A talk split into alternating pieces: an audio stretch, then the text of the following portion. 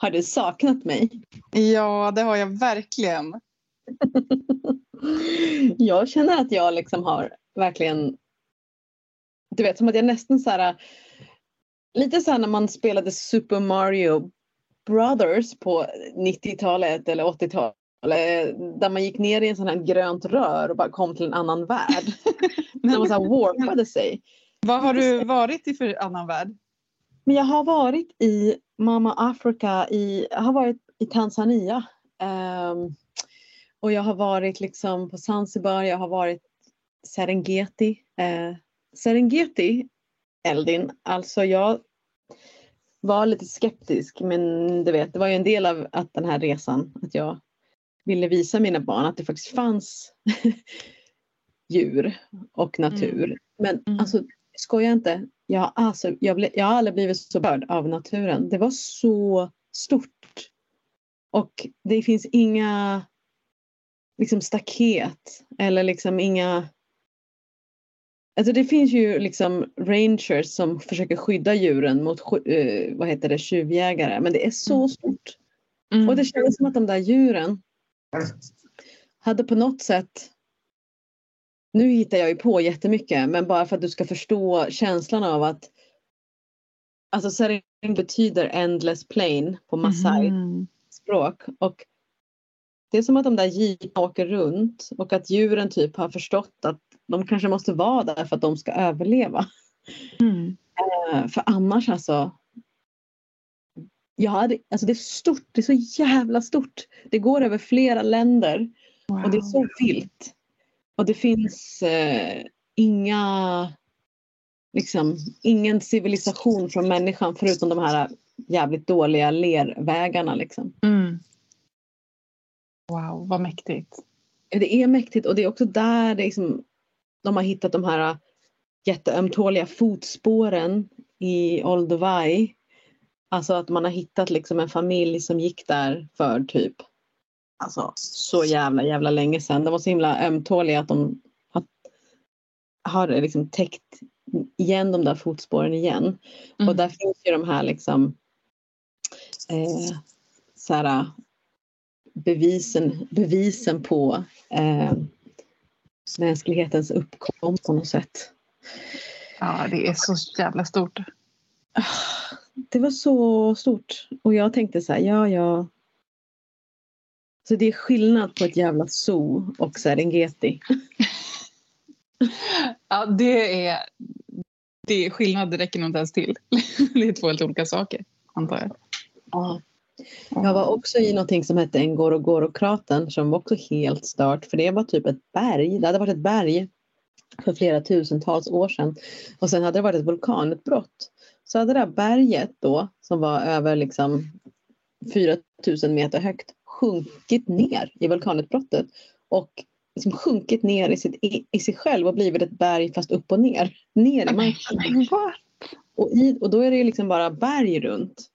Så i den kratern så var det Alltså det var bara sån speciell natur. Mm. Fullt med djur, fullt med liv. Och eh, ja, Nej, men det var, man blir så här.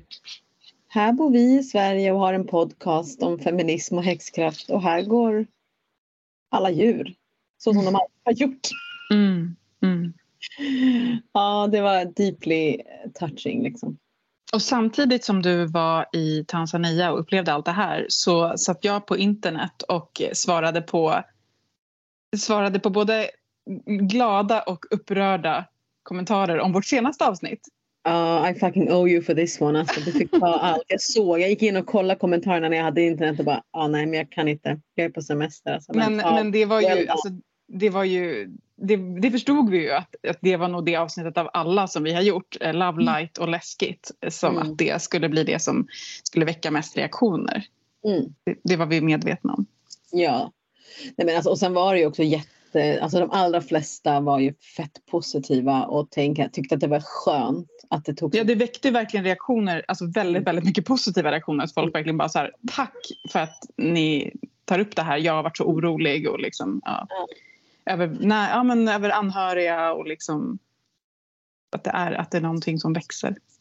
Nej men verkligen och sen att det var också att folk blev jätteledsna och du vet ville avfölja podden och aldrig mer lyssna på oss igen och sa yeah, well, ja, ja men tack för att ni har lyssnat hittills liksom. Men, men, men ja, vi, vi måste också visa våra färger och våra färger är det att vi, vi ser det här som signaler. Ehm, men eh, sen är det såklart, vi släppte ju lite grafik också kring avsnittet.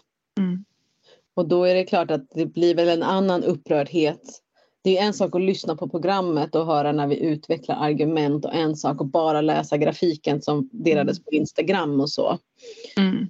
Precis, så det finns inga nyanser i den här grafiken. Man bara, nej, det är, det, det, det är liksom det som är en grej med en grafik på Instagram. Det får plats så här många ord. Liksom.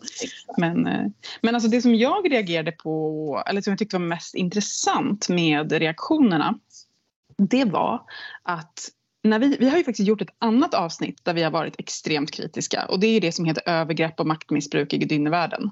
Där vi ja. kritiserar vår rörelse, gudinnerörelsen, alltså mm. djup kritik. Mm det var inte en enda person som var upprörd efter det avsnittet. Nej. Däremot så när vi kritiserar den här Love and Light-rörelsen då går folk i sånt försvar. Och det tycker jag är någonting som, som är väldigt talande i sig själv. Att, mm. alltså, kan en rörelse vara självkritisk? Kan den inte det, då är det en stor varningsflagga för mig. Oh. Men, det i sig är den stora, stora frågan. Alltså, mm. Vi måste ständigt vara självkritiska. Mm. Och, och, det är vi också, för vi har gjort ett helt avsnitt om det. Men, men liksom, att det var så slående för mig att, uh, att människor som kände så här, ah, det, här är, det här är jag en del av, inte kunde stanna upp och bara vänta. Kan det, mm. det kanske är så här i vissa sammanhang. Mm. Och det är jätteproblematiskt. Liksom. Ja, Utan var, att man direkt går i försvar. Mm.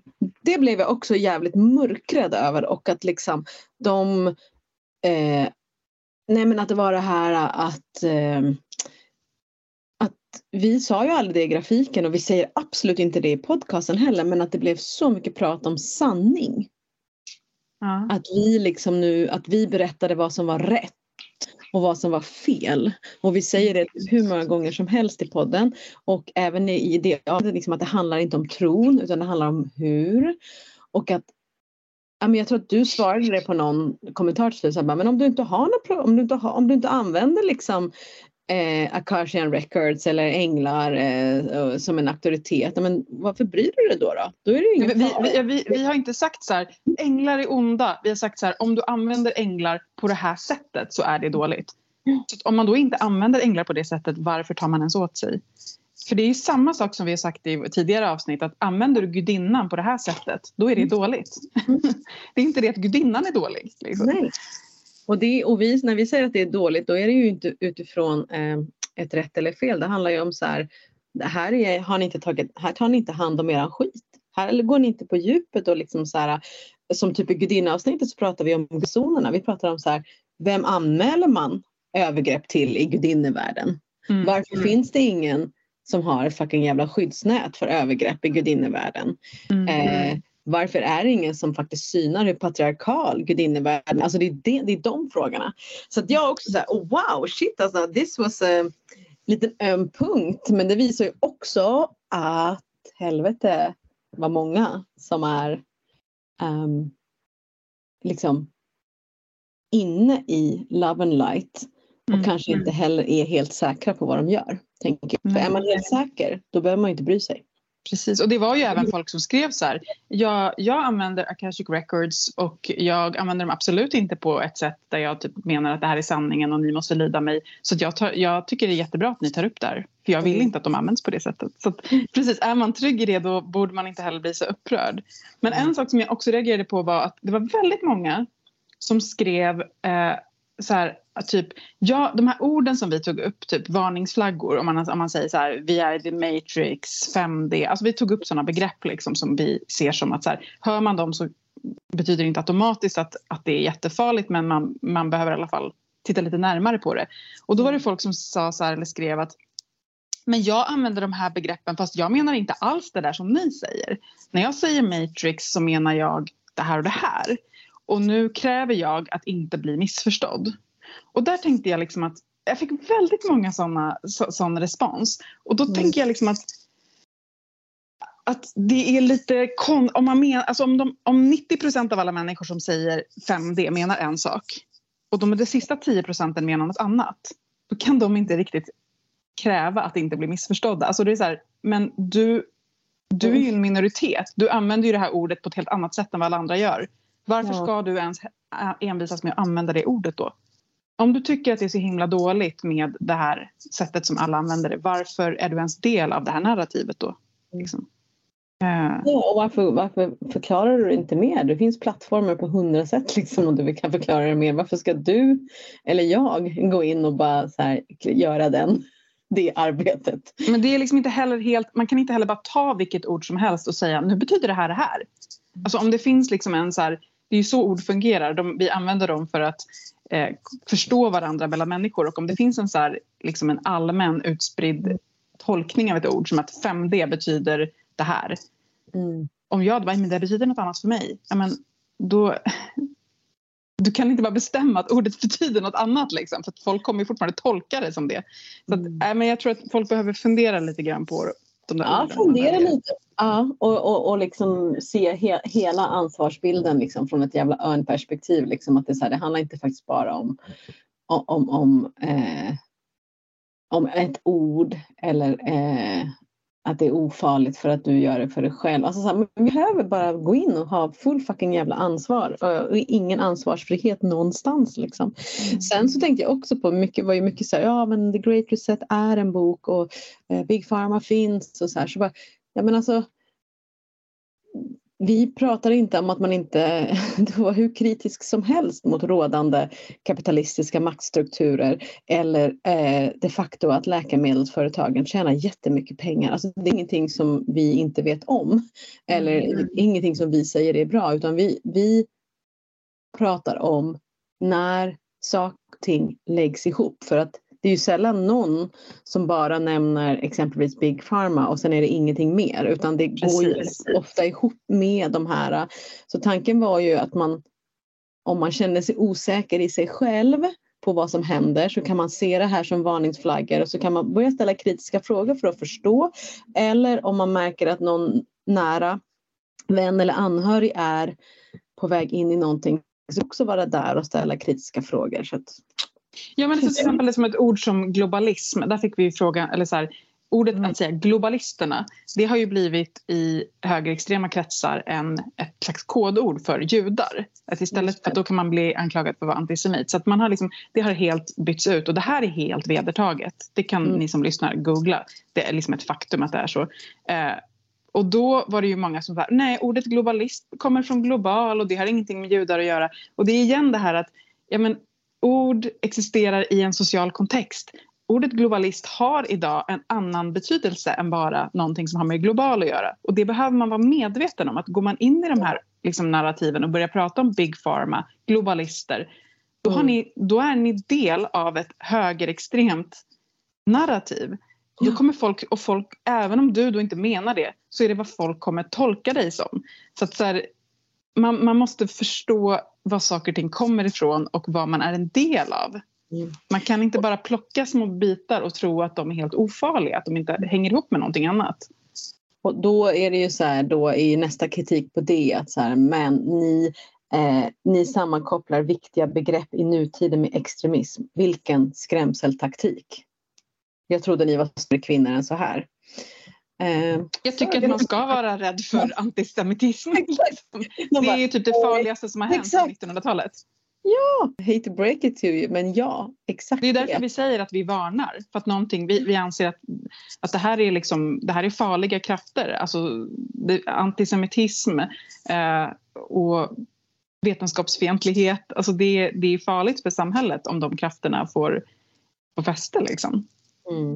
Det är inte för att människor ska gå runt och vara rädda, det är precis tvärtom. Det är ju, det är ju problemet med hela den här konspirationsteorin. Den i sig går ju ut på att människor ska gå runt och vara rädda och tro att det finns en liten judisk grupp mm. av maktmänniskor som styr världen med hjälp av mikrochip och så vidare. Och att mm. demoner finns i oss. Alltså det är den rädslan vi vill varna för. Att så här, jorden är i grunden inte ond.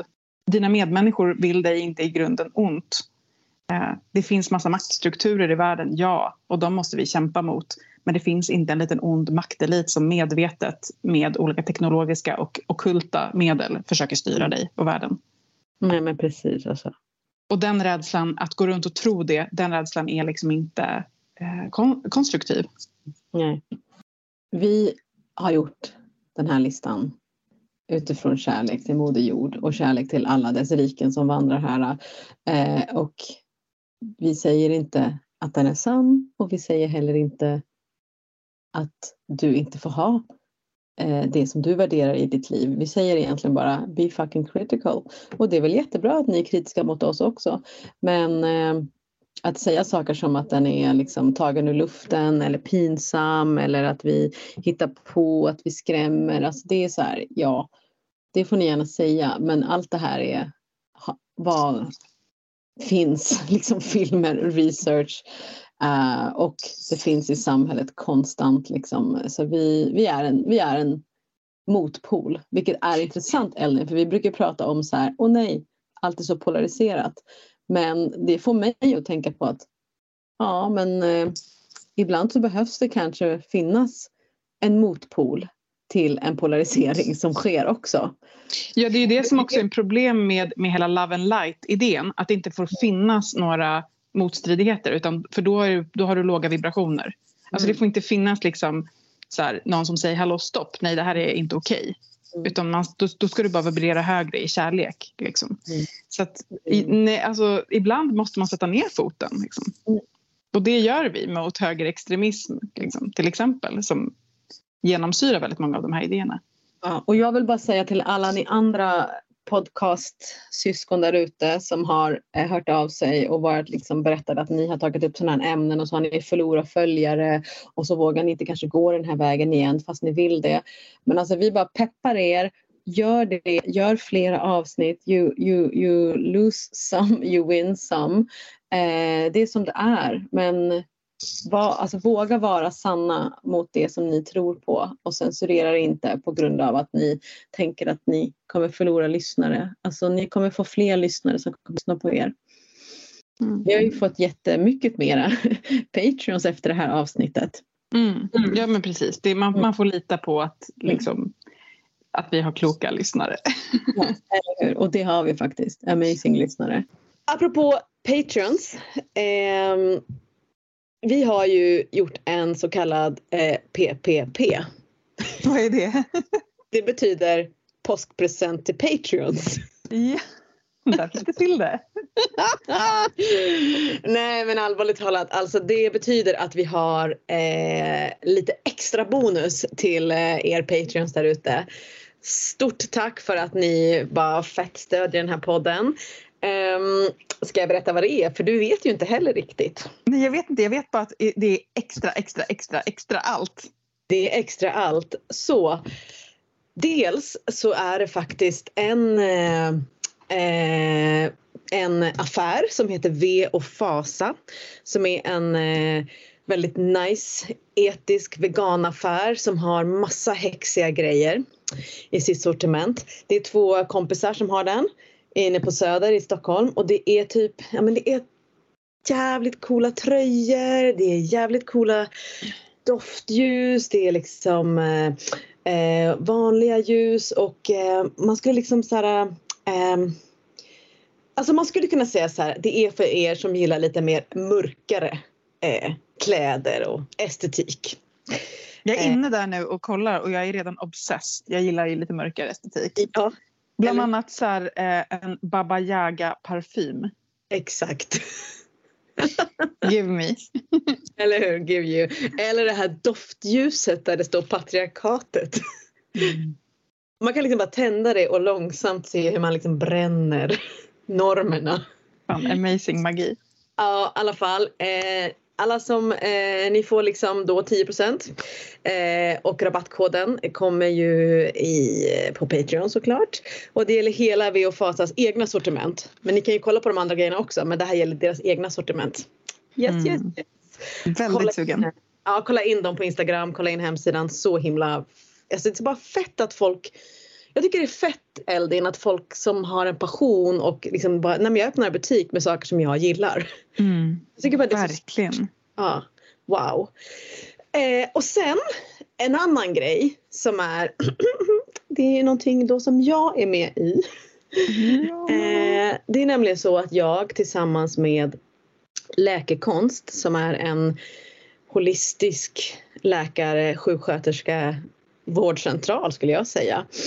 Eh, det är driven av doktor Ella Hallberg och sjuksköterska eh, Armini, eh, det vill säga Antonia Armini Gabler som vi har haft som gäst eh, i ett sommarprat. Vi eh, har fan i mig funderat så jävla mycket på, för vi har liksom typ klienter som dels går med mig och dels går med dem och vi märker liksom vad som händer när det spirituella och liksom eh, den medicinska vägen möts. Alltså att vi vill bjuda in till eh, de här kunskapens frukt. Tre dagar online-seminarium när vi liksom verkligen pratar om så här både den spirituella hälsan, hormonella hälsan, menscykeln, eh, alltså så här, hur vi kan använda ceremoni när vi jobbar med läkning. Eh, så att det liksom blir en helhet i ens läkeresa. Wow, vilken, Ja. vilket otroligt initiativ. Alltså jag tror att det kommer bli, alltså det, det är ju väldigt stort i andra länder liksom att man jobbar med det här funktionsmedicinska perspektivet och man jobbar med andligheten men det är inte så jävla många som gör det här ännu. Och det är inte bara så att det är jag och Antonia och Ella utan vi har också bjudit in eh, jättefeta gäster, alltså Mia Lundin som Wow! Ja, alltså hon driver Her Care. Hon kommer att prata om klimakteriet, förklimakteriet och liksom övergångarna. Utifrån, alltså hon har jobbat över 40 år med det här. I, i, så att det, jag menar att hon, säger jag, är så här, hallå hur har hon tid? Men hon har det liksom. Och sen kommer eh, Wolverine, Jenny Kos och bangar in liksom Ja. menscykeln. Från, alltså menscykeln genom, genom hela livet, genom alla cykler, så full on hormon. Eh, och full on liksom förståelse för vad som sker i vårt, i, i, vårt liv. Och sen också bjuda in Disa Minör, eh, hormonhäxan på Instagram, som handlar om att kartlägga och förstå liksom sin menscykel. Och sen då kommer jag babbla om ceremoniellt hållande och liksom ett cykliskt liv från vårt perspektiv, Eldin Ja. är här. Och sen så kommer läkekonst prata om liksom den fertila stigen genom livet, guide till hormoner, sömn, till näring. Jag bara så här, fett, fett, fett.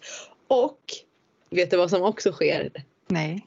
Jo, Veronica Näslund eh, kommer hålla öppningsceremoni. Gud vad fint. Veronica har ju också varit gäst i podden. Ja. Alla våra fav- favvisar liksom. Alltså eller hur? Och sen är det ju då, eh, man kan kolla på hela programmet på eh, min hemsida worldherbarista.com och det är jättemycket så här uh, Q&As och det är också så här fysiska övningar och ritualer och ceremonier. Man kan kolla på det i efterhand, man behöver inte just kunna de här datumen här 27 till 29 april. It's all online så att man behöver inte vara någonstans. Eh, och vi, Förmiddagsmakt, vet du vad vi får göra? Vi Typ. får lotta ut Berätta! Ja, vi får, vi får lotta ut tre eh, biljetter till det här 12 timmars programmet. Alltså jag är så himla glad för att ni gör det. Alltså det är... Jag är så glad att ge det till våra lyssnare för att det här är ju saker som vi pratat så himla mycket om. Men liksom, alltså vikten av att liksom lära känna sig själv som cyklisk varelse, som kroppslig varelse tillsammans med det ceremoniella och andliga. Och här är ju verkligen en chans att liksom få den kunskapen av ja, men massa människor som också kan så mycket mer än bara du och jag. Liksom. Ja, alltså verkligen. Och, och det här är ju någonting som, alltså det, det kostar ju uppåt 10 000 det här. Alltså det här är ju verkligen, alltså så här. Vi har ett, man, man, vi, det finns ju ett specialpris innan, innan vi sänder att man kan köpa det bara för 1100 nu. Men Sen kommer det, alltså det här är ju någonting som vi hoppas liksom att företag kommer kanske kunna köpa in och, och jobba utifrån. Så det är verkligen, alltså is, det här är, känns, jag bara så här, wow. Mm. Det är en ganska fet gåva Ja, ni, ni ger. Så att eh, jag tänker så här Eldin. Eh, tänk inte att påskharen kommer med presenter. Tänk att det är Eldin och Ruby. Så vi kommer lotta ut de här tre platserna då bland lover-nivå uppåt på Patreons, ja. eller hur? Exakt. Exakt. Så har man funderat på att bli Patreon så kan det ju vara eh, strategiskt att bli det nu. Kan vara jävligt strategiskt. Glad på det. Så. Men du, ja. nu har jag några hemliga frågor till dig. Yes!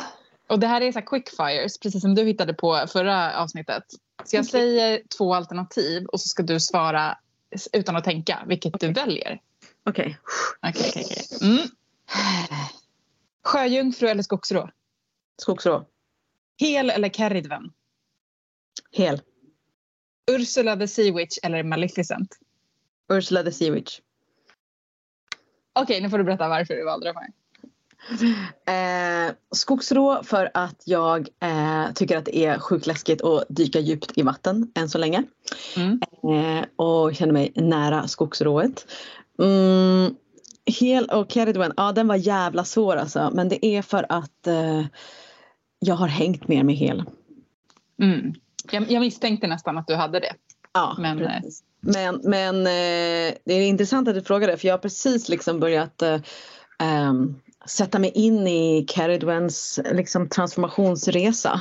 Mm. Och liksom, hela den, alltså så här, alltså in, inte så att jag läser om det utan jag försöker liksom säga gud hur var det att vara henne? Att göra den här mm. fysiska hamnskiftningen. När hon eh, förvandlar sig till eh, massa olika varelser för att ja. få tag i han som snodde, som drack ur hennes visdomsdryck. Ja precis. Eh, och jag tänker liksom att det är, alltså det är själva grunden till vårat årshjul på ett sätt. Den här liksom mm. som hon gör. Mm.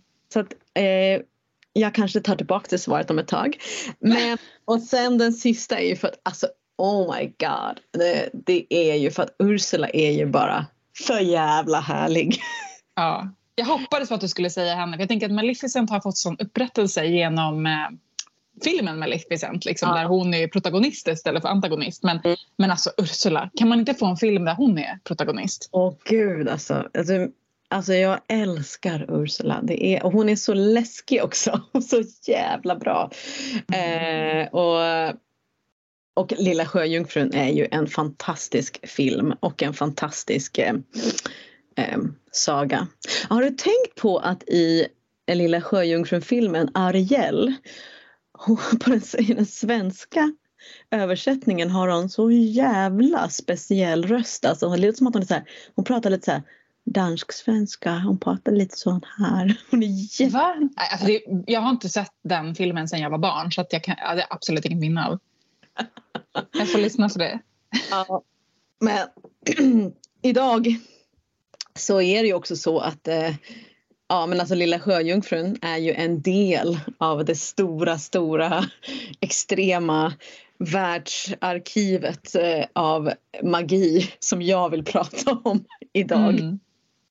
Alltså du har, du har önskat det här avsnittet i flera år. Ja, det har jag. Eh, och det är inte så att du har sagt att det inte ska vara eller sagt nej men det har liksom inte riktigt varit timing. Men eh, nu är vi här och vi ska äntligen få prata om, ah, vad fan ska vi kalla det? Ceremoni, ritualer, initieringar based on Disney Pixar movies.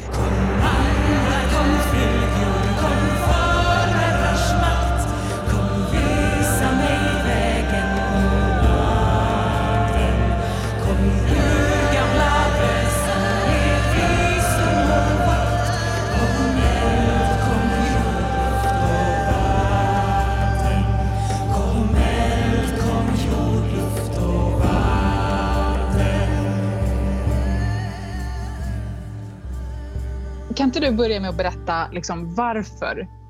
Varför ska vi prata om det här i Förmödrars makt? Hur kommer det sig att du ville det här så himla mycket? Jag känner nu när du säger den här frågan och att det har gått från att jag pratar med mina kompisar om det här till att jag ska prata på podcasten om det här. Att jag blev lite nervös. Nej, men eh, jag tycker så här att alltså många Pixar, Disney storfilmer eh, det är ju verkligen alltid based on så här, essentiella viktiga ämnen och liksom hjälten ska göra sin resa, de onda ska göra sin resa, allting, alltså det är alltid liksom eh, en transformation som en så här ah, bas. Men om vi går in i de olika filmerna och börjar liksom tänka på den värld vi lever i, alltså häxvärlden, årshjulet, initieringar, förmödrar, ceremonier, eh, liksom att verkligen möta sanningar. Att, att, alltså mycket av det som hjältarna hjältinnorna i de här filmerna får göra, det är ju det som vi behöver göra på våran liksom läkerresa genom årshjulet. Och bara för att jag ska ge ett, jag kan ge ett exempel. Det här blir ju spoilers då, Eldin, men Hela vara... det här avsnittet kommer vara spoilers. Så vill, ja. man, vill man inte få spoilers på de här filmerna då får man stänga av och kolla på dem först. Ja, men vi tar Frozen, alltså Frost 2. Där. Eh, då är det ju så att eh, Elsa då eh, har ju i första filmen liksom accepterat sin kraft. Alltså hon är inte rädd längre för att hon har den här iskraften i sig utan hon har liksom lärt sig att leva med den, hon har fått en gemenskap, hon har passat in och så säger de så här du ska vara drottning. Eh, och hon är inte menad att vara drottning, alltså det är inte hennes kall. Så hon återigen fastnar ju i första filmen låser hon in sig själv för hon är rädd för sin kraft. I andra filmen så har hon blivit inlåst i sin kraft. Andra människor har sagt vem hon ska vara, vad hon ska göra. Och då kommer den här liksom eh, scenen när hon hör den här liksom, rösten eh, och det här ljuset som glittrar. Det är den här na, na, na, na. och så springer hon upp balkongen och bara Are you out there? Can you see me? La, la, la, la. Och sen så måste hon följa den här rösten till slut. Hon kan typ inte vara inlåst längre. Så hon följer den här. Och sen i det så inser ju hon att okej okay, men det finns jag är liksom en del av en annan värld. Jag är en del av ett annat community.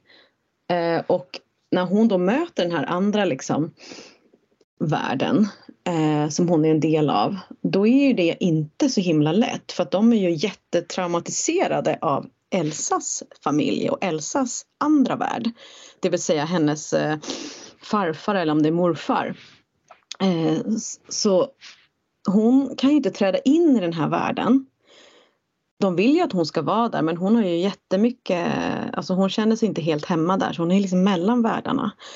Men hon behöver ju för att komma till sitt ursprung och komma till sin krafts absoluta styrka, inte bara iskraften utan vem hon egentligen är i sig själv. Så behöver ju hon, alltså hon måste ju möta sanningen i grottan. Hon möter sanningen i grottan som är så jävla vidrig och så hemsk. Inga lögner, inga filter, ingenting kvar överhuvudtaget. Att när hon inser att det är hennes egen liksom, blodslinje som har mördat de här, den här liksom, minoritets ursprungsvärlden som finns för att de ska bygga en bro, bygga en damm hon vill ju inte inse, hon bara nej, nej det kan inte vara sant. Men sen så kommer ju sanningen och när hon inser sanningen då vill hon inte veta av den. För den är så hemsk, för vem är hon då? När hon blir en linje av mördare. Så hon dör ju nästan. Det är skitsorgligt för att typ så här Olof, den bästa, snögubben, dör ju för det är ju en del av hennes magi. Och liksom hon bara fryser fast där i grottan. Men då är det ju hennes syster Anna som är typ ascool och liksom hon är så här, hon är ju så här troll. She speaks with trolls. Uh, så hon hör ju liksom att nu är det någon, eller hon känner och hör att någonting inte är som det ska. Så hon får ju på något sätt kliva in i sin roll som hon ska ha. För hon har ju varit lite så underdog och bara så här, det är kul, ja ja visst jag är kär i den här killen, nej det är jag kanske inte och bara så här liksom ja, men haft ganska liksom lajat runt lite eh, och även, men hon har ju också värsta initieringen som hon väntar på.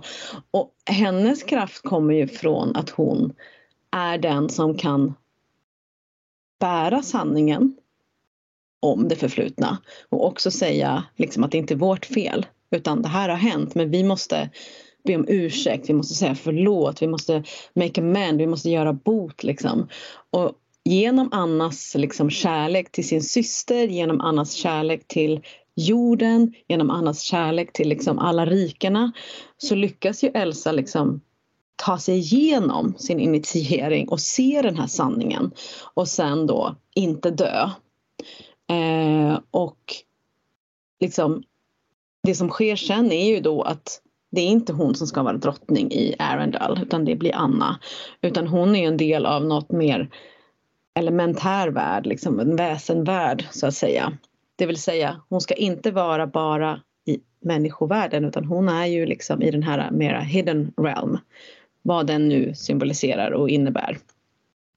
Eh, så på något sätt där så tänker jag mycket på ibland hur det känns när man gör en del ceremonier och eh, djup läkearbete med sig själv. Att de där sanningarna är exakt så som Elsa upplever det. Att man dör.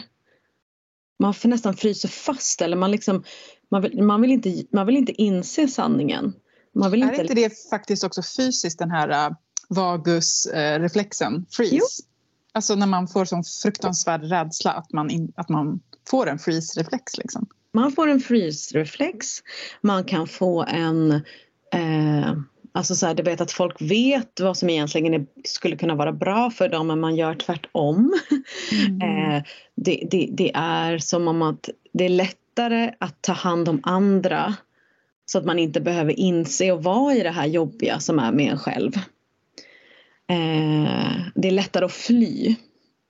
Mm. Eller att inte göra någonting, liksom abandon the throne. Eller eh, än att inse liksom så här, shit. Det här har folk sagt till mig. Eller det här har folk gjort mot mig. Eller det här har jag gjort mot människor.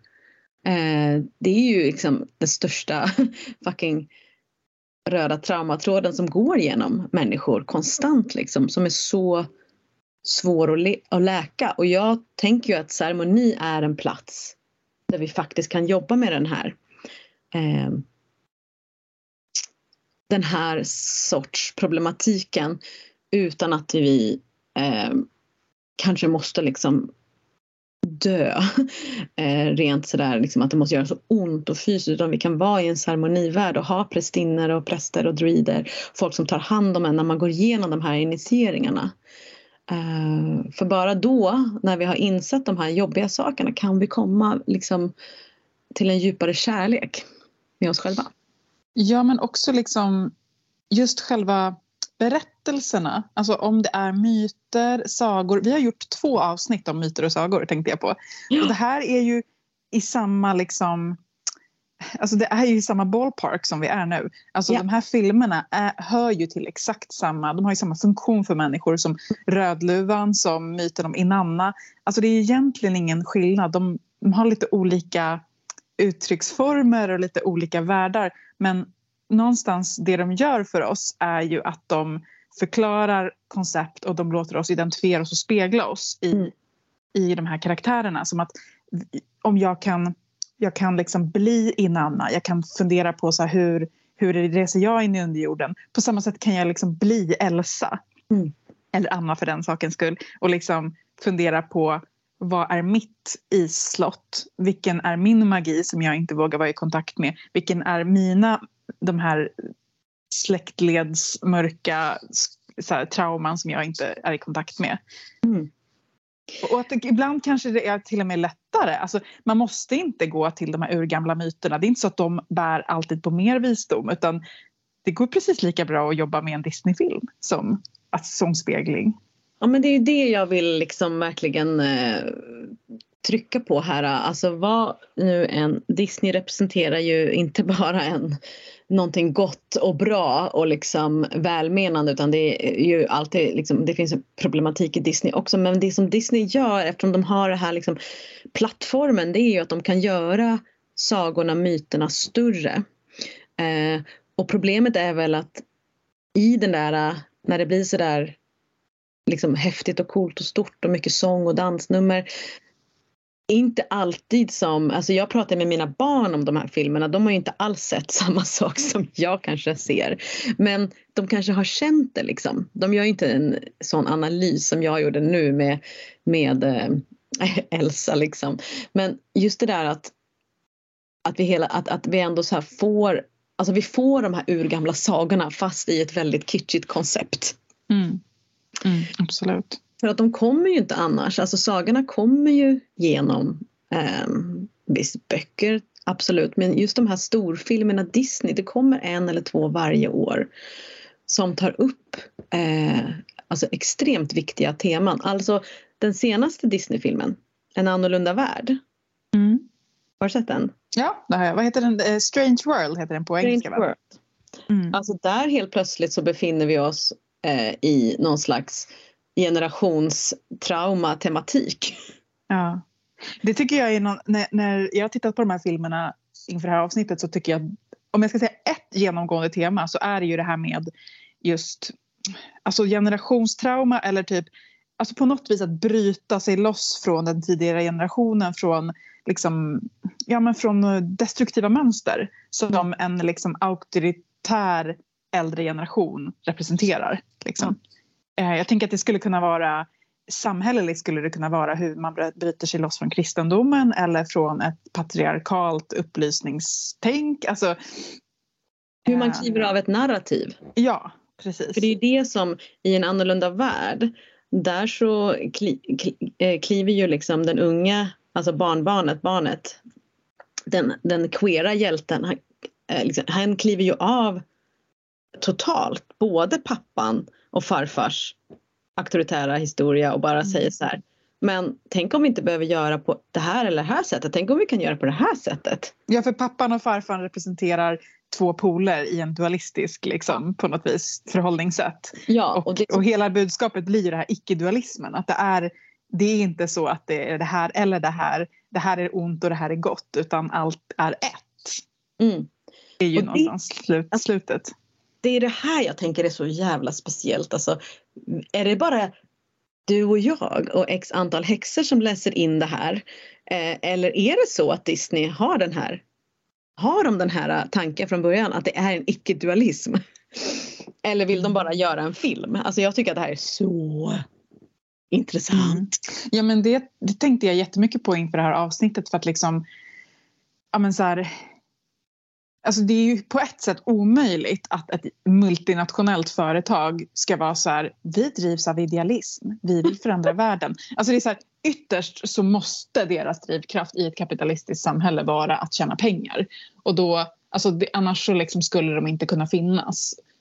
Så men de tjänar... jag, är ändå, jag är ändå cynisk och tänker att någonstans är det så här, ja men de, kanske, de kan pusha gränser kanske men bara so far liksom, för annars skulle det inte bli Men här pushar de ju extrema gränser för jag menar det är ju faktiskt så att, att det är en, en, eh, en queer kärlekshistoria i grund och botten. Mm. Mm. Mm. är extremt eh, eh, fler kvinnor, eh, rasifierade kvinnor i maktposition. Mm. Eh, det är eh, liksom en stor take på eh, miljöaktivism och klimat, klimat, att vi förstör klimatet. Mm. Alltså de, de, tar ju, de tar sig an ganska stora ämnen här och jag vet att den här filmen har ju fått jättemycket kritik i, i eh, högerextrema, eller inte mm. höger, alltså i de kristna kretsarna i USA. Liksom, Absolut, jo men så är det ju. Alltså Disney har ju fått jättemycket liksom ja, mycket kritik så. Lite grann på samma sätt som Harry Potter typ så här, förbjuds i vissa skolor. Liksom, så att det, uh, men alltså det, det, det, är väl det som jag tänker att allting är ju relativt. Liksom. Eh, Harry Potter anses superradikalt av kristna högern medan eh, liksom, ur kanske ett queerfeministiskt perspektiv så är Harry Potter typ problematiskt. Alltså, så det liksom är Ja, det var jättejobbigt i sista Harry Potter när alla gifte sig med varandra och fick barn. det var så tråkigt. Men alltså, alltså så gäst verkligen. Ja, vilken, jag, jag var så besviken alltså. Men alltså om vi bara stannar en sekund till här i en annorlunda värld så vill jag diskutera det här faktum att apropå generationstrauma att det är så här farfar är ju typ en väldigt arketypisk macho explorer. Eh, det ska liksom, han kan hantera vapen, han har en fysisk styrka han, han är ganska mycket liksom och, och, är väldigt orädd liksom och ska liksom ta sig över berget. Vad finns där? Medan hans son då säger nej till det, den arketypen. Vill inte vara så utan liksom nej men jag är hemma, jag är mer lugn och stilla och eh, tar hand om, och, om mina och, och, odlar liksom. Förvaltar det här eh, eh plantan som jag har hittat. Men det som då eh, liksom barnet och barnbarnet eh, verkligen etablerar för de här är ju att de ser ju inte att de är exakt likadana fast deras uttryck är olika.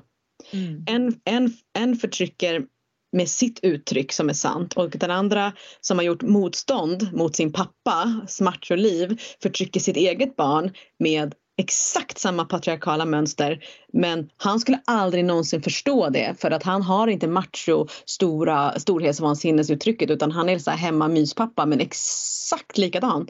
Inte låter sitt barn göra det som den drömmer om.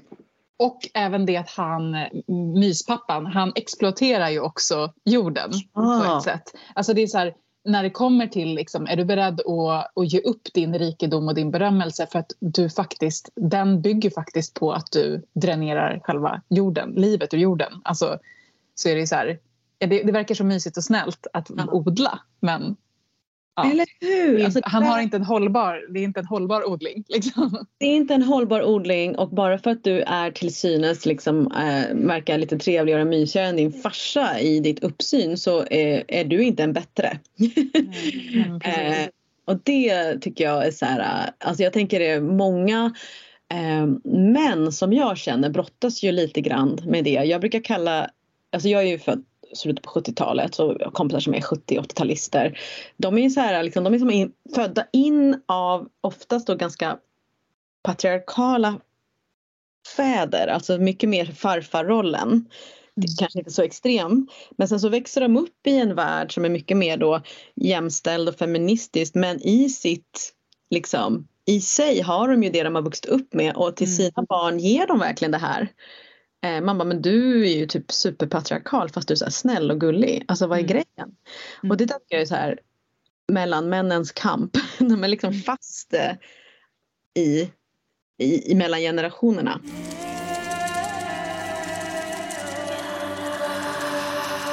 Men alltså om jag får gå tillbaka till Frozen 2.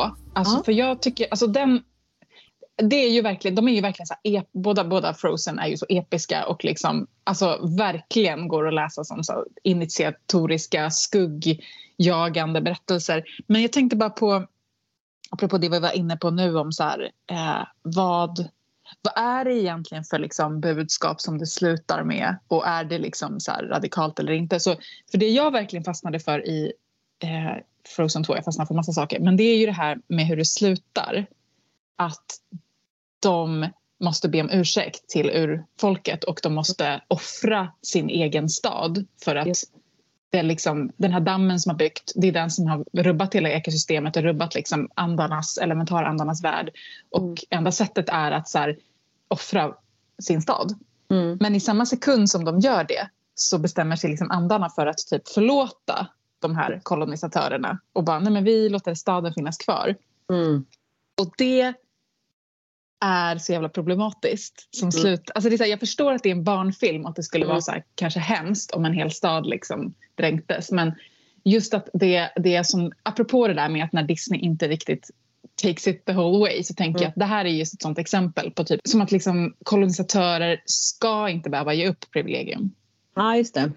Mm. Liksom, typ, tänk dig på att ge tillbaka Sápmi till exempel. Vad skulle det innebära för Sverige? Liksom? Mm här, är, vi, är vi beredda att verkligen ge upp det här som vi liksom eller ska det vara så här, nej men vi bara förlåter varandra så håller alla varandra i handen och är glada. Typ.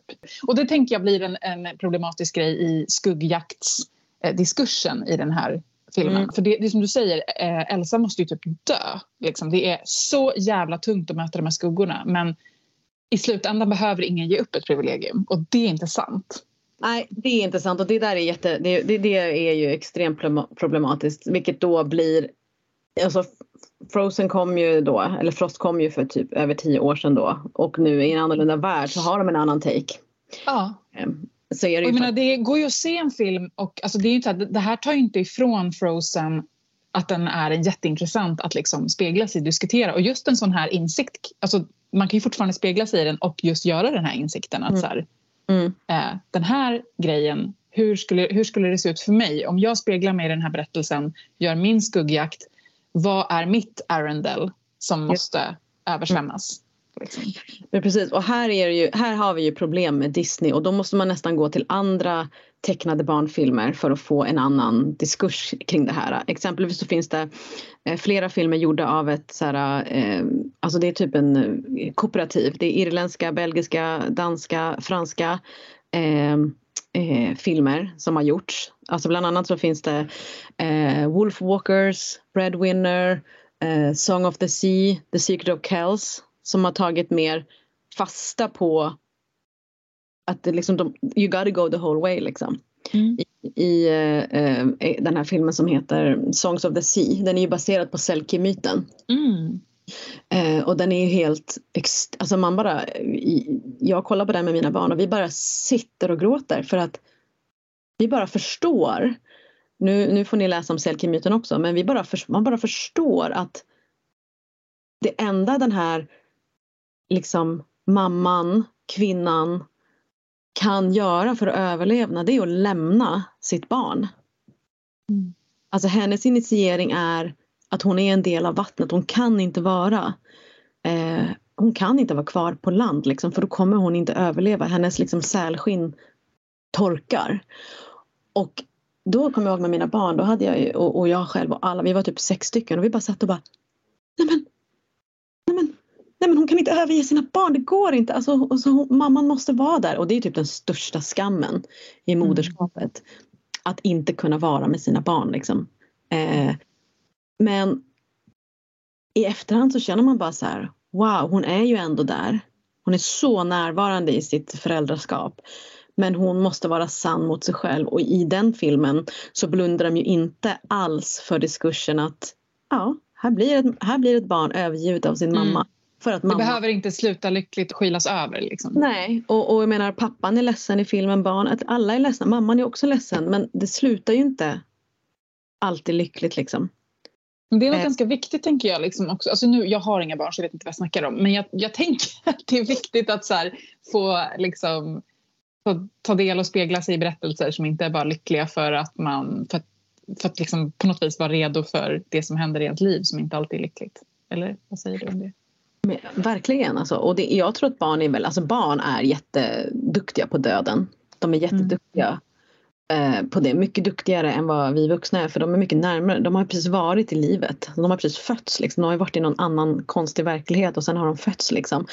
Eh, så att ju mindre konstigheter vi lägger på desto bättre. Och sen så vet jag inte liksom om man behöver vara så himla grafisk med barn och berätta exakt Nej. det. Det tycker Nej inte. Men, men just det där att man kan lita på att barn eh, Bland annat så gjorde vi en barnföreställning för några år sedan som handlade om barn som behöver fly. Och det var ett ganska gediget researcharbete. Och det som på något sätt liksom vi landade i var att för ett barn så är det ungefär, alltså de har inte riktigt uppfattningen om avstånd. Det är lika jobbigt att flytta från Visby till Snäck. Mm eh, för att skiljas från mormor, farmor, farfar och så vidare. Eh, som att flytta från Visby till Stockholm eller mm. till liksom, ett annat land för att separationen är lika jobbig. Mm. Eh, och Sen är det klart anledningen till varför är ju, är ju olika men just den där just själva liksom momentet av att flytta på sig. Mm.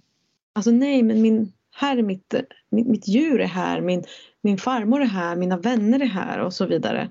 Och sen så eh, att man då som vuxen inte lägger på hela det vuxna ansvaret kring vad det innebär att behöva verkligen, verkligen fly. Eh, det, vet, det, vet, man vet, det vet ju vi som är vuxna för vi kan se det på ett annat sätt men för barnet är just separationen så jobbig. Mm oavsett liksom. Jag tyckte det var väldigt så här, alltså så här, det var ju baserat på intervjuer då med barn liksom. Okay. Ja, så det var ju otroligt liksom, jag bara tänkte så här, ja men det är klart. Alltså så här, allt som är, alltså har man inte man kanske inte ens vet, alltså mina barn vet ju, jag kan, de vet lite om världen men de vet ju inte hur långt det är till liksom Norge eller Tanzania. Det är liksom inte här. Mm, mm. Det blir samma kategori. Ja men lite så. Ja men nu fick vi lite off track här men just det där att, att verkligen inte och där kan jag tycka att Disney såklart fegar ur eh, ganska hårt. Det var därför jag tyckte det var så kul med en annorlunda värld att det är såhär nej det här, mm. det här funkar inte. Absolut. Tror men du, jag måste få gå tillbaka till Frozen igen. Ja, ja, ja. För vi har ju också inte vi har inte rört typ den, alltså det är en så himla stor grej. Innan jag ens hade sett den, alltså innan jag hade sett någon av Frost-filmerna så hade jag bara sett tusen memes om att Elsa är queer. Att Elsa är typ inte heterosexuell. Mm -hmm. har, har, du inte sett det? Nej.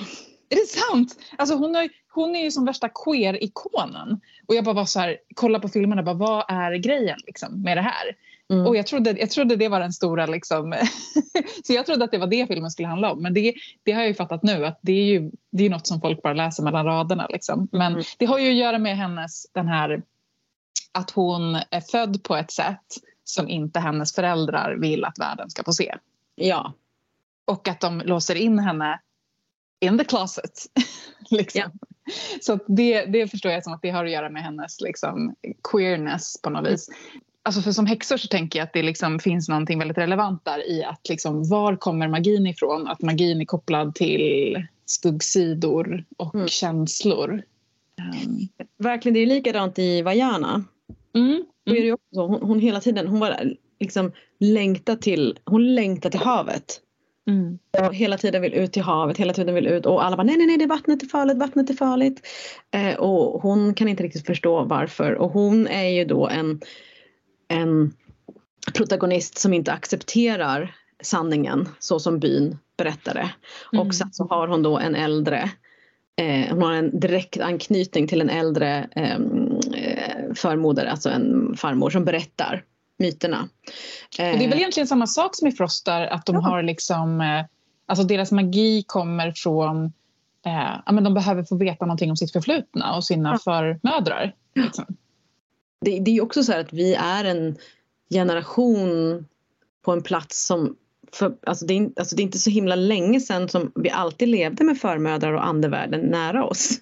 Mm. Det är ju någonting som har, är egentligen ganska naturligt för människan att ha förmödrar och förfäder an, anlevande nära. Mm. Eh, men att de, vi tar bort dem för de står för någonting som var traumatiskt och läskigt liksom.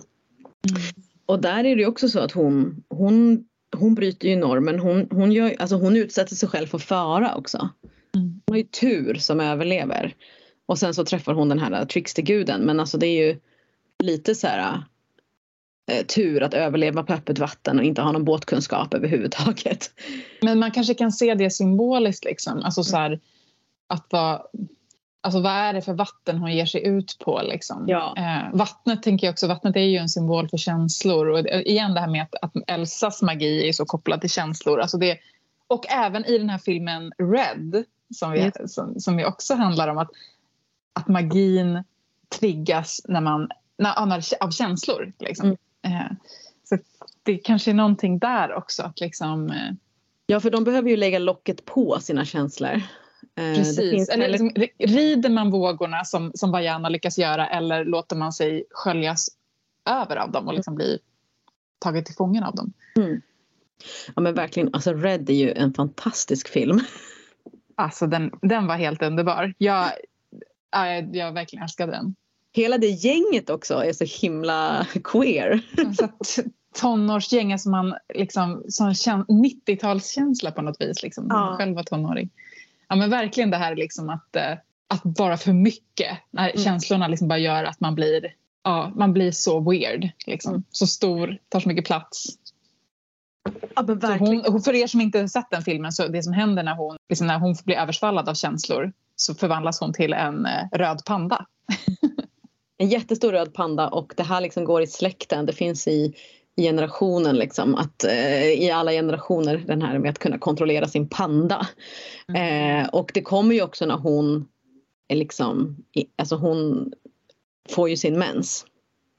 Ja, men det är ju så roligt, för det får hon väl inte? Alltså det är väl egentligen så att hon låtsas som att hon har fått mens. Alltså, hon så här, ha det, precis. Nej, men för att mamman säger så här, åh jag förstår att du går igenom en förändring nu. Jag förstår mm. att det, det, röda har kommit, men det röda är ju att hon har blivit en röd panda. Så jag tycker att det är som en så rolig sak för att annars känns det som att man skulle ju tolka den här filmen som att det är en symbol för att ha fått mens.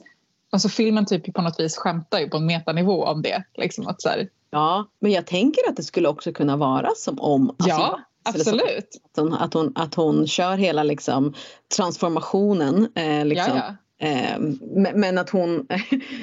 alltså hon gör den ju verkligen väldigt eh, morfad. Så men det är så roligt att, att filmen själv, skämtar själv om sin egen symbolik. Liksom. Ja. Att det, här har, det här är en symbolik för mens. Liksom. Men, det gör de ju ganska ofta, att de liksom gör de här metaskämten. Liksom. Ja. Men det är också så roligt tycker jag i den filmen att hon, för de här, alltså i Elsas känslor är ju väldigt mycket, det har ju mycket att göra med här skam och sorg och vrede. Att det är det som är liksom så här, på något vis alltså svårt för henne att hantera. Eh, Medan för mig i Red så är det också väldigt mycket så här, eh, kåthet. Ja. Eller liksom lust. Ja. Och det är så himla härligt att få se en tonårstjej representera att när hon, alltså så här, kåthet hos en tonårstjej det är inte vanligt att se och definitivt inte i Disneyfilm. Liksom. Nej. Och sen också när hon släpper fram sin, den här kåtheten och alltså eh, eh, slash pandan så är det jättemånga som bara It's so cute! I love pandas! Ja, men det är helt fantastiskt att liksom det inte blir så här, ah, då blir hon, hon är normbrytande och blir hon utstött utan istället så här, ja, vi älskar din eh, annorlundahet. Ja. ja, men verkligen alltså. Det är ovanligt att se. Men jag tänker också att i princip, inte kanske en A Strange World, en annorlunda värld, men typ så Frost, Vajana, Red, Encantado och Moody. Alla de har en, en liknande liksom story som är att alltså den här, de här, den här liksom flickan då som är huvudrollen har oftast en mamma som är väldigt avstängd, som inte kan prata med henne. Mm. Mm. Som inte kan guida henne, som inte kan Alltså det är bara som att nej, nu lägger vi. Eh, Men som också typ själv är ett offer för ah. patriarkatet. Liksom, som har... Och det är ju någonting som vi behöver hela tiden förhålla oss till när vi jobbar med oss själva. Att det finns ju extremt mycket mother wounding och liksom mammasår och eh, besvikelse kring mammor eh, i generationer. Men hela tiden också så här vilken generation var din mamma? Vad kunde din mamma göra? Vad, vad, vad baserade hon sina beslut på? Alltså att man behöver ha man alltså ska ju klart, alltså, är man tonåring så ska man ju göra uppror liksom, eh, mot normer och mot eh, auktoriteter. Det är en del av processen. Men alltså sen det här med att behålla ilskan mot sin mamma. Det kan ibland vara välbehövligt att göra det men någonstans så finns det också en så himla stor um, release i att liksom, okej okay, men du gjorde det bästa du kunde för att du visste ingenting annat. Mm. Du var så rädd. Eller du hade inget, inte mina verktyg för du föddes 30 år innan mig av den här personen som hade levt i det här traumat och så vidare. Så att jag tycker att det är jätteintressant också att prova att eh, vända på det och inte bara se som modern som någonting, alltså min biologiska moder utan också se på modern i mig själv och mm. hur jag eh, mödrar mitt eget inre barn. Alltså så här, och på vilket sätt jag kanske är den där avstängda och kalla modern mot mitt eget inre barn. Mm. Till exempel att liksom så här, jag tänker att jag kan absolut vara den där hård. Eh, Mays mamma, hon är så himla sträng. Så här, att, typ, du måste komma i tid och du måste göra läxorna jättebra och sen måste du också hinna vara en fantastisk dotter och jätteandlig. Alltså, mm. Den stränga moden har jag inne i mig själv mot mig själv. Ja, jag tänker att det kan vara intressant att identifiera sig med de karaktärerna också och titta på hur de kan finnas mm. i en själv och hur man reprodu reproducerar det liksom, mot sig själv. Ja men det är ju det med sagorna och mytvärlden. Alltså alla de här rollerna är ju tänkta för att vi ska kunna reflektera oss i det, i oss själva också. Mm. Är jag liksom, eh, exempelvis om vi tar mig, är jag liksom Mays pappa som bara oh. Mm. Han gör ju ingenting liksom. Mm, till, mm. Så, så här, är det det? Eller typ som i Encanto där alla är liksom eh, alla är så magiska. Mm. mm. Alla är så fantastiska och alla är liksom alla ska liksom gå igenom den där dörren och få sin magiska liksom, kraft och sen så blir det liksom ingenting här. Och den här besvikelsen som mamman har men som inte släpper fram. Mm. Eh, den här bitterheten nästan skulle man kunna säga. Den är ju också så himla vanlig. Att säga, ah, nej men det är inte för mig då. Fast egentligen bara, ah, yeah. Ah, nej men okej okay, jag ser inte det här, jag ser inga spöken så då, då är jag inte spökjägare. Mm. Eller någonting sånt där. Liksom. Det är också det här att, oh, att gå och bära på besvikelsen antingen från en förälder men också i sig själv. Mm.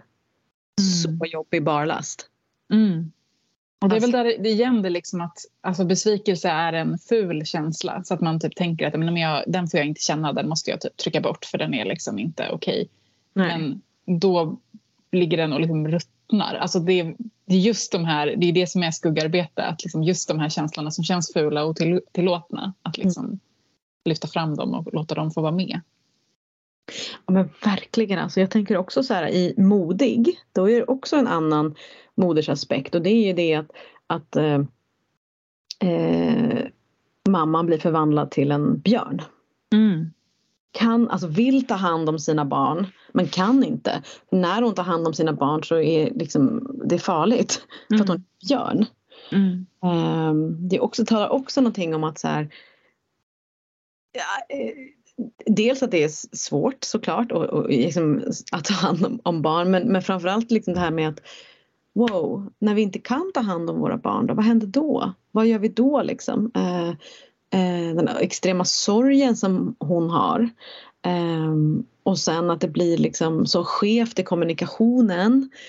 Eh, att till slut så liksom blir det som att barnen riktar en pil mot mamman fast de inte vet att det är mamman. Alltså så här, att man riktar sina liksom, vapen kanske inte alltid på rätt ställe. Mm. Tänker jag. Eh, så det, ja jag vet inte, det är mycket med, alltså annorlunda värld har ju liksom eh, fadersperspektivet. Men annars är det mycket liksom förmödrar och, och, och eh, mammor. Och, och, där tänker jag att det finns ett, ett tema som jag ser, det är också det här med i både då i Modig när hon blir förvandlad till en björn men också i Red när mamman också blir förvandlad till en röd panda fast en, alltså verkligen jättefarlig. Mm. Och att det på något vis representerar de här kvinnorna, den generationen kanske men även alltså även liksom, yngre generation kan det ju vara att ja, men, man har liksom inordnat sig i den här kvinnorollen och mm och tryckt och tryckt och tryckt undan det vilda. För det är det djuren representerar också. Mm. Alltså björnen och pandan. Liksom.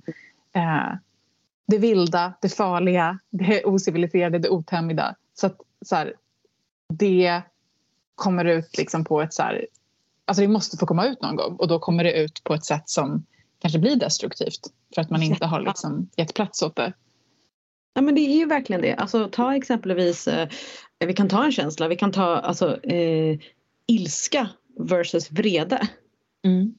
Alltså ilskan alltså, och aggressiviteten den gör ju aldrig att man känner att man har sin kraft. Utan den liksom nästan så här disclaim your power, alltså den tar bort kraften medan en vrede, en riktigt så här, nu säger jag ifrån vrede eller nu skyddar jag mina nära vrede eller jag räddar den här jorden vrede. Den är helt annorlunda. Mm. För att jag kan uppleva typ så här, att vara arg och ilsken och vresig. Det är inte som att folk nästan slutar lyssna. Mm. Medan en sån här riktig vrede är som att de står som liksom ljus och bara okej, okay, eh, ja jag hör dig. Och det är ju verkligen också en, alltså jag tänker vrede är väl en så återkommande känsla i de här filmerna som, som de här kvinnorna inte får känna. Alltså det är en så typisk känsla som inte är tillåten för kvinnor. Och sen i Red också då kåthet. Liksom. Ja. Det, det är ju såna, ja, men, vissa känslor som är särskilt liksom, könade. ja. Medan män då kanske liksom istället tvärtom har en ja, men det finns en machokultur där du, liksom, du får inte känna sorg. Du måste känna vrede.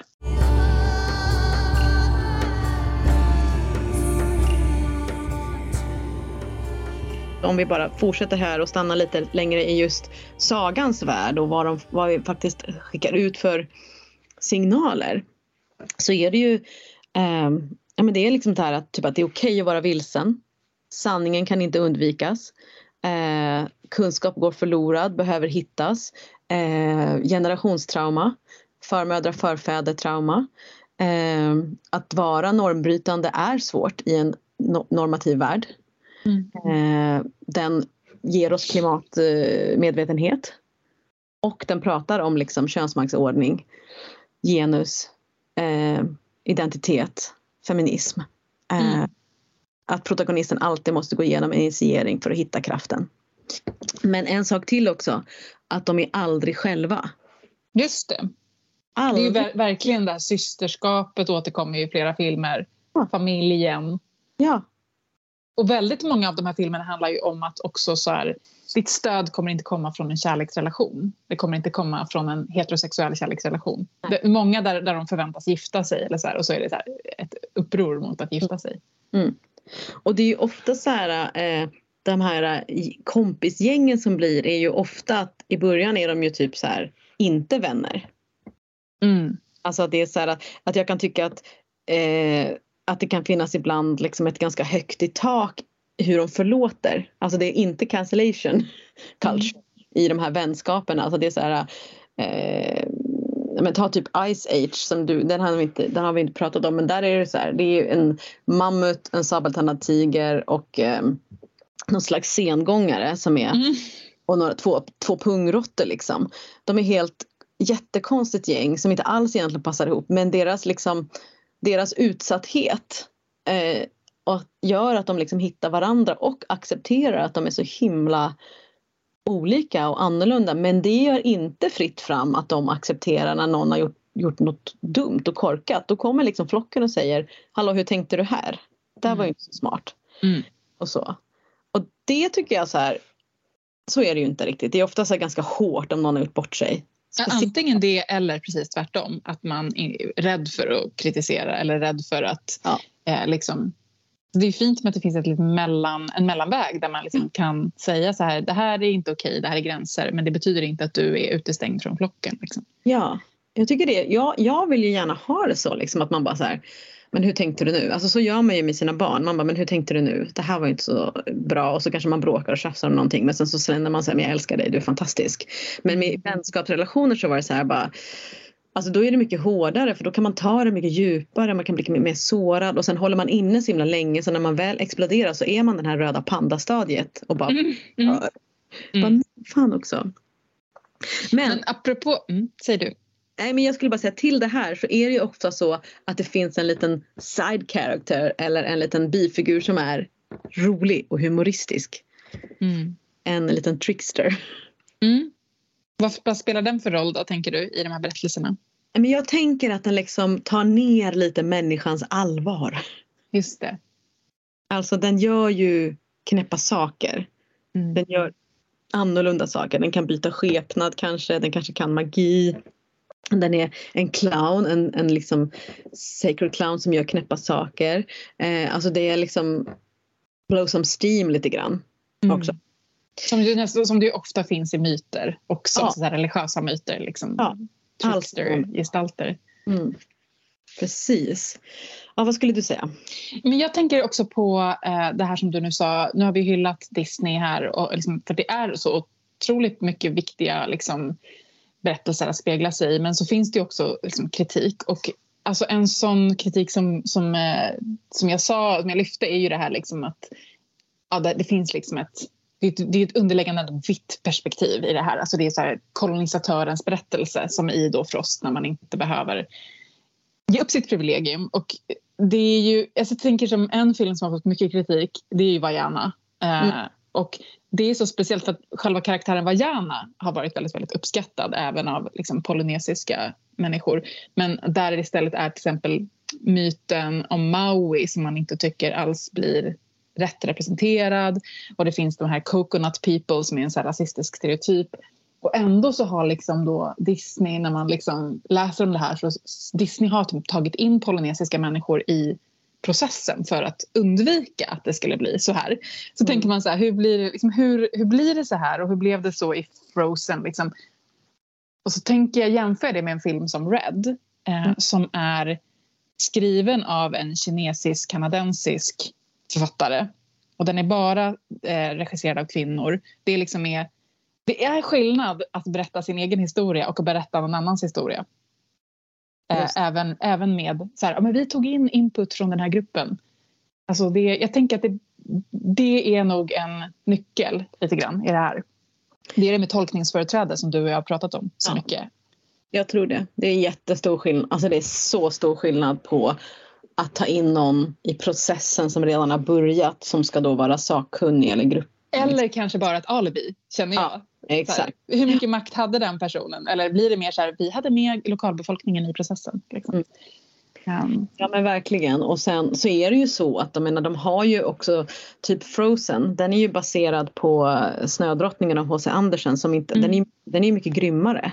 Mm. Där, är ju liksom, där handlar det ju om att det är en iskall snödrottning som eh, vars liksom eh, hon, har gjort, hon har fått en, en spegel av djävulen. Och den spegeln liksom eh, kan, skickas det skärvor ut, det splittras skärvor. Och så fort den nuddar en människa så blir den människan cold. Mm. Iskall liksom. Och i den här då, i den originalsagan så är det ju en pojke som heter Kai. Som får den här eh, rätt in i hjärtat. Och blir liksom en helt annan person. Och försvinner. Och isdrottningen liksom tar, eller kidnappar honom och den enda som tror att han fortfarande lever är hans farmor Gerda. Och sen så handlar den om det liksom. Mm. Så att de har ju också, alltså de ändrar ju ganska fritt i sagorna mm. också. Mm. Eh, även om just eh, exempelvis eh, eh The Snow Queen inte inte handlar om liksom en, en myt från ett land eller en kultur utan den är ju mer en folksaga. Men, de... Men det spelar roll vem som ja. berättar en historia. Alltså ja. det, det, det liksom är en, en berättelse, vare sig det är en saga eller en film, kommer alltid på något vis spegla det perspektiv från vilken det berättas. Om det är ett vitt perspektiv, ett manligt, ett queert eller liksom så. så att, och det tänker jag syns lite i de här filmerna utifrån vilket perspektiv de är berättade. Ja men det håller jag verkligen med om. Och sen så tror jag också så här att man tänker så här på alltså typ ta filmerna som Hercules och Pocahontas och um, alltså filmer som fanns när vi växte upp.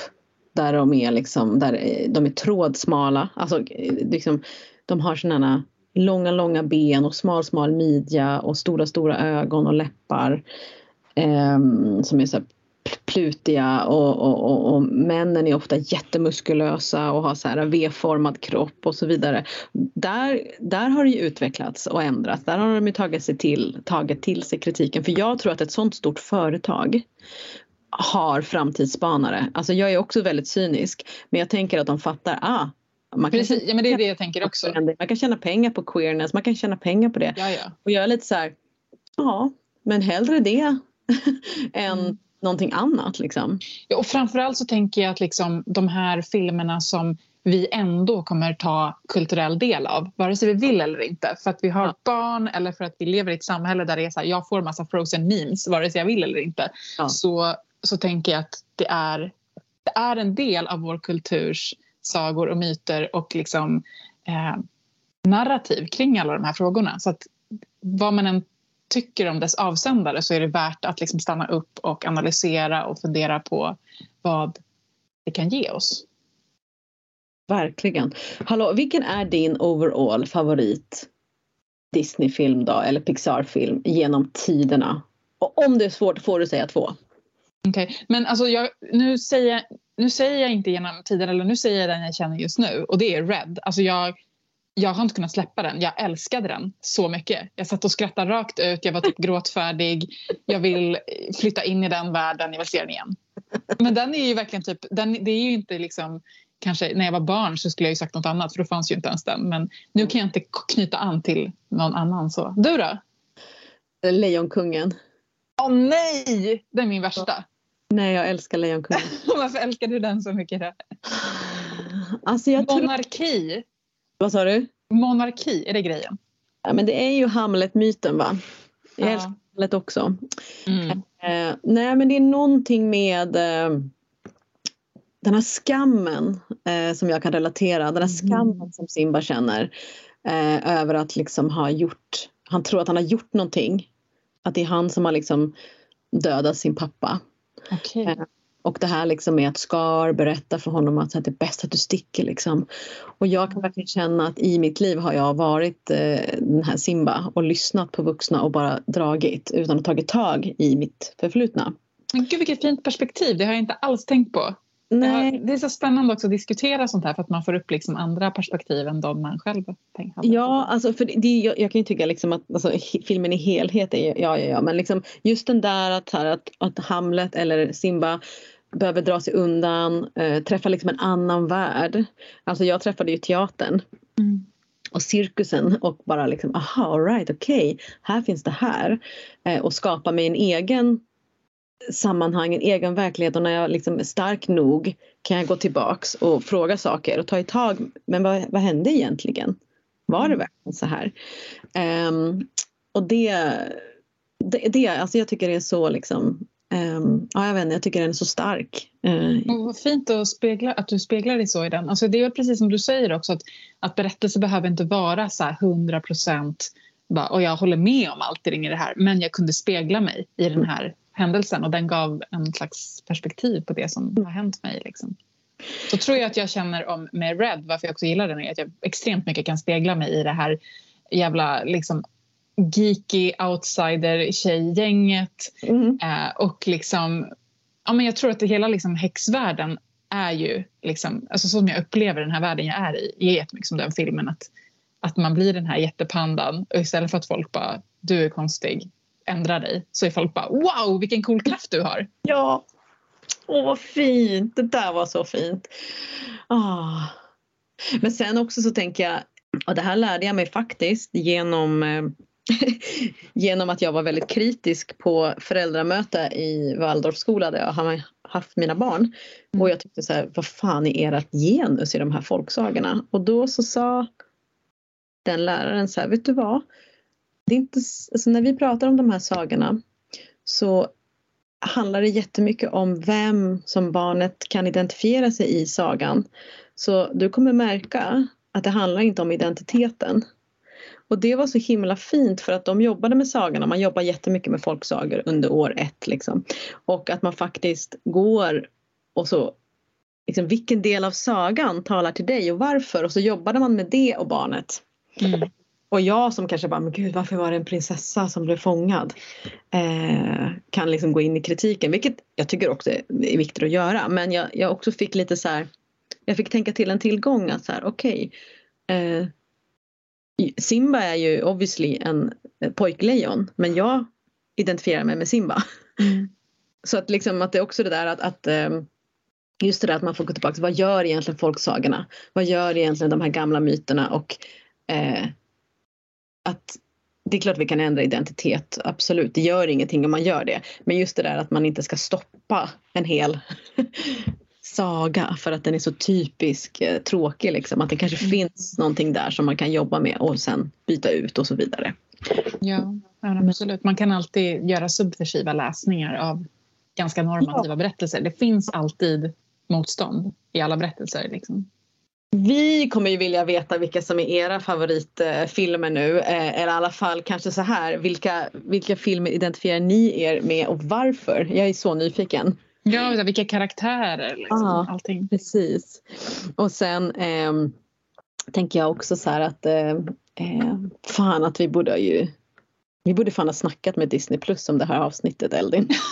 Vi borde haft så här Patreon eh, ja! sponsrad av Disney. Fan alla andra jävla poddar har ju det bara så här, oh HBO Max nu får du det där, där, där. Det hade vi, det hade vi kunnat tänkt till på. Völvans spådom. Från dåtid till nutid till framtid. Vi älskar och tackar er Patreons från djupet av våra hjärtan. Tack, tack, tack. Puss, puss, puss. Ni är otroliga. Så en av de saker som vi gör för att hylla er, det är ju att varje vecka så drar vi en utav er som blir föremål för völvans spådom. Låt völvan tala. tala. Och då vill jag säga tusen, tusen tack till dig Helena Wetterling för du ja, Patreon. Tack! Fantastiskt! Tack så jättemycket för ditt stöd. Um, den här völvans spådom eh, kom till mig och förmodligen väldigt sammankopplat med att vi spelar in när vi spelade in det här avsnittet. Eh, för jag, jag var ute i skogen och så eh, satte mig vid mitt vårdträd. Och jag skrattar lite för att jag kallar det för vårdträd. Det, är nog inte en, det skulle inte se ut som ett klassiskt vårdträd. Um, och då så får jag liksom upp som en, men som typ en, först är det som en vatten, som en liten liksom pöl som växer och sen så blir det typ mer som en, liksom, en, en bäck där vattnet liksom rinner åt bägge håll. Och så sitter det en, en eh, gestalt med liksom mantel och har händerna ner i vattnet och drar liksom fram och tillbaka. Och då så stannade jag där och frågade Vem är du? Och jag får eh, svaret Jag är hon som ser. Vilket jag då tolkar till Saga av Sökvabäck. Saga är en eh, Asynja, en gudinna i nordisk mytologi. Står inte så jättemycket om, om henne liksom i, i, i de gamla texterna. Alltså Sökvabäck betyder den sjunkna bäcken. Och det nämns i Grimnismal. Sökvabäck heter den fjärde, svala böljor där, brusar kring boplatsen. Oden och Saga där dricker var dag, glada ur skålar av guld. Mm.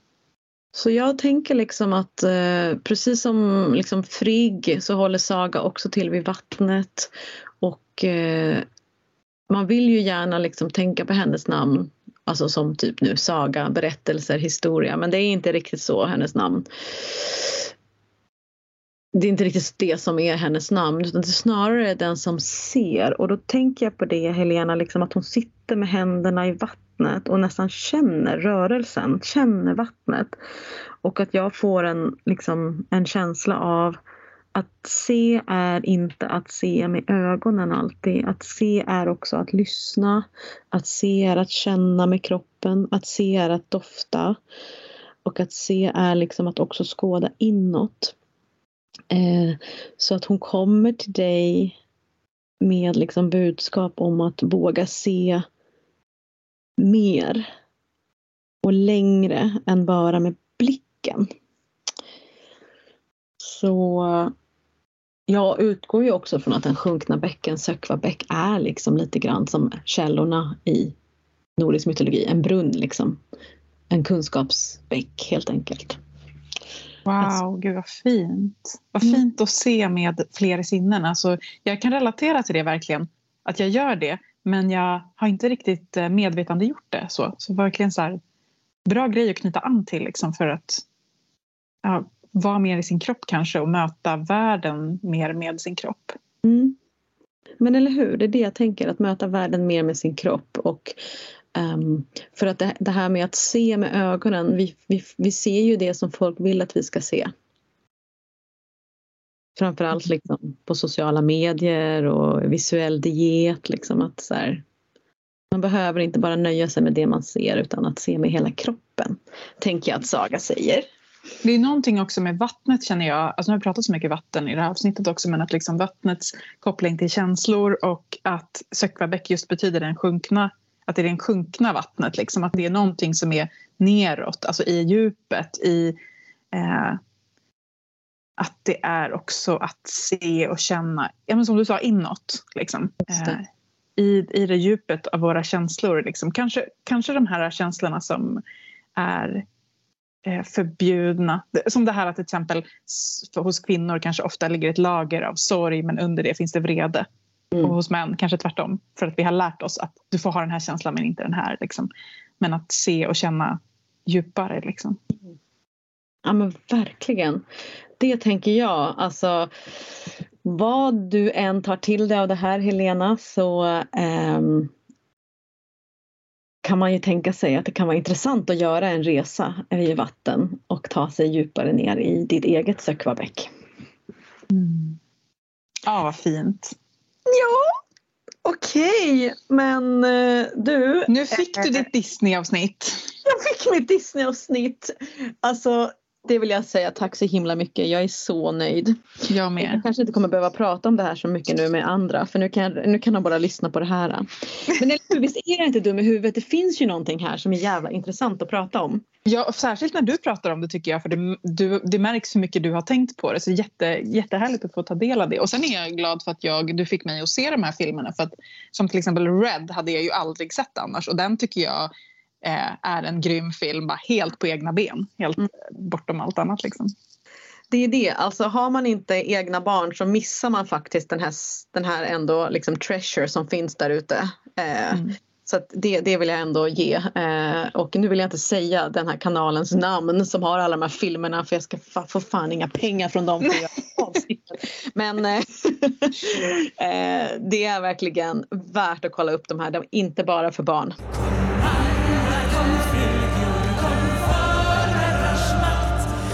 Vill du stödja vår podcast ytterligare så kan du betygsätta podcasten. Prenumerera på podcasten för att öka vår synlighet. Bli medlem på Patreon så får du dessutom en massa häxiga benefits. Gå in på patreon.com formodrarsmakt. Och vill du ta del av ytterligare samtal med likasinnande, bli medlem i Facebookgruppen Förmödrars makt eftersnack.